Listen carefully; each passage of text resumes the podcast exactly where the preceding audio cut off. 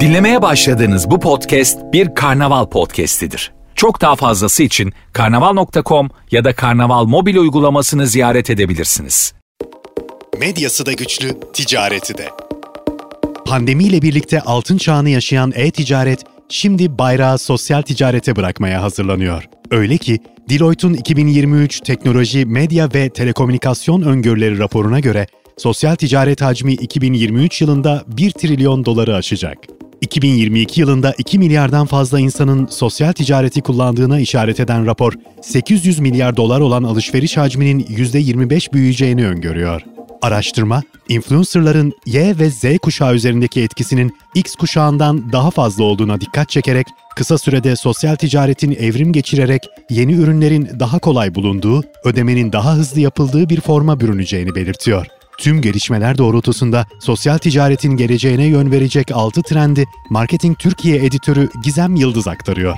Bizzat Google tarafından yapılan bir araştırmaya göre 14-24 yaş arası kullanıcıların %40'ı birincil arama motoru olarak sosyal medyayı kullanmaya başladı. Instagram'ın kullanıcılarıyla gerçekleştirdiği bir anket çalışması da katılımcıların %81'inin Facebook ve Instagram'ı ürün araştırması yapmak için düzenli olarak kullandığını ortaya koyuyor. İnsanlar seyahat rezervasyonları ve satın almak istedikleri ürünler için artık sosyal aramayı kullanıyorlar. Asya Pasifik bölgesi %68.5 pazar payıyla sosyal ticarette lider konumda. Pazarın öncüsü olan Çin'de özellikle WeChat ve diğer sosyal medya platformları üzerinden alışveriş yapan kişi sayısı 424 milyona ulaştı. E-Marketer'a göre ABD'de 14 yaş üzeri kitlede en az bir kez sosyal medya platformu üzerinden alışveriş yapan kişi sayısı 2023 yılında 101.1 milyon kişiyi bulacak. Avrupa'da 2020-2026 tahminlerine göre sosyal ticaret pazarı yaklaşık %27.8'lik bir büyüme kaydedecek. Bu pazarda sektör bazında en yüksek potansiyelin moda sektöründe olduğu düşünülüyor.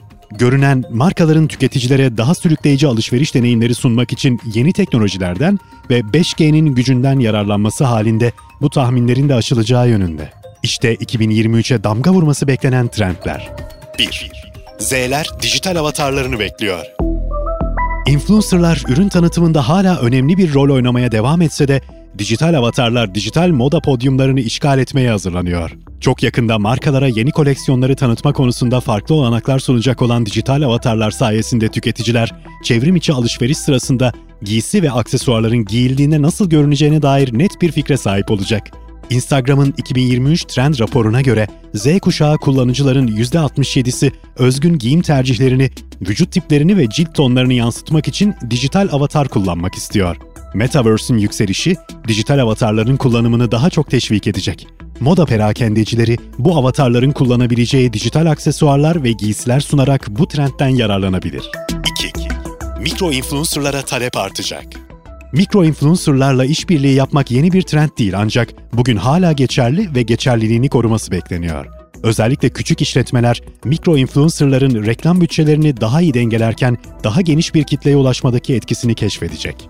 Yüz binlerce ya da milyonlarca takipçisi olan influencerların aksine mikro influencerlar reklam bütçelerinin daha makul fiyatlar üzerinden yönetilmesine imkan tanırken genellikle segmentasyonu ve reklam hedeflemeyi basitleştiren özel kitle türlerine sahipler. Ayrıca genel algı mikro influencerların daha özgün ve şeffaf oldukları yönünde. Tüm işaretler mikro influencerların markaların erişimine pozitif bir katkı sağlayacağı yönünde. 3. Sosyal anketler geliyor. Üçüncü parti veriler tedavülden kalktıktan sonra markalar ürün ve hizmet tekliflerini kişiselleştirmek adına sıfır parti verilere bağlı olacak. Şubat 2022'de Sheer ID ve Forrester Consulting işbirliğinde Kuzey Amerika ve EMEA'de bulunan ve her birinin yıllık geliri 100 milyon dolardan fazla olan 200 şirketin dijital pazarlama yöneticileriyle gerçekleştirilen araştırma kapsamında katılımcıların %85'i sıfır parti verilerin etkili kişiselleştirilmiş deneyimler oluşturmak için kritik olduğunu belirtiyor. Ayrıca yanıt verenlerin %82'si sıfır parti verilere erişimleri olduğunu söylerken %42'si bunu etkili bir şekilde nasıl kullanacaklarını bilmediklerini itiraf ediyor. 4. Tüketici marka işbirliği yükselişte. Son dönemde ses getiren reklamların pek çoğunda tüketici dokunuşu var. Sosyal medya ile birlikte yaygınlaşan interaktif iletişimin bir sonucu olarak birkaç yıldır tüketicinin oluşturduğu içeriklerin iyi birer reklam malzemesi olduğu keşfedildi. Kendi içeriklerinin marka tarafından görünür ve paylaşılır olduğunu görmek, tüketicinin marka kimliğiyle özdeşlik kurmasını sağlıyor ve elbette tüketicinin hep aradığı gerçeklikte içerikler çıkıyor ortaya. Bir diğer avantajı insanların algılarını etkili bir şekilde değiştirebilmesi. Tüketici böylece söz konusu markanın sadece kendi fikirlerine değil, iyi içeriklere de değer verdiğini görüyor ve güveni artıyor. 5. Chatbotlar AI ile güçleniyor. Geçtiğimiz yıl analitik teknolojiler şirketi Verint'in ABD'de gerçekleştirdiği bir araştırma, chatbotların müşteri hizmetleri alanında giderek yaygınlaştığını ancak çoğu kişinin chatbot deneyimlerini tamamen sinir bozucu bulduğunu ortaya koymuştu. Chatbotlar markalar için daha az maliyetle müşterilere hizmet vermeyi mümkün kılarken tüketicinin de ihtiyaç duyduğu ulaşılabilirliği sağlıyor.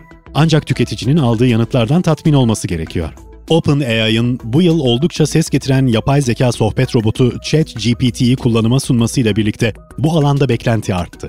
2023 yılında markaların müşteri hizmetlerinde kullandığı chatbotlara da yapay zeka güncellemesi gelmesi bekleniyor. 6.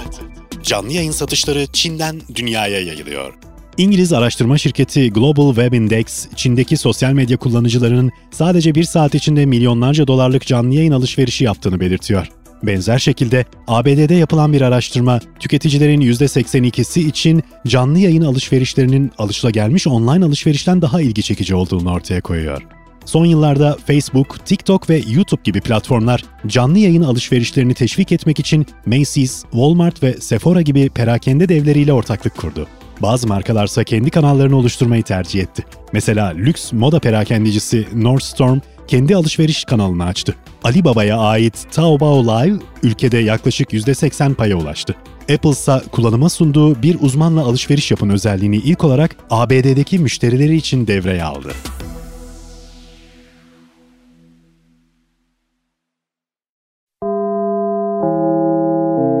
Dinlemiş olduğunuz bu podcast bir karnaval podcastidir. Çok daha fazlası için karnaval.com ya da karnaval mobil uygulamasını ziyaret edebilirsiniz.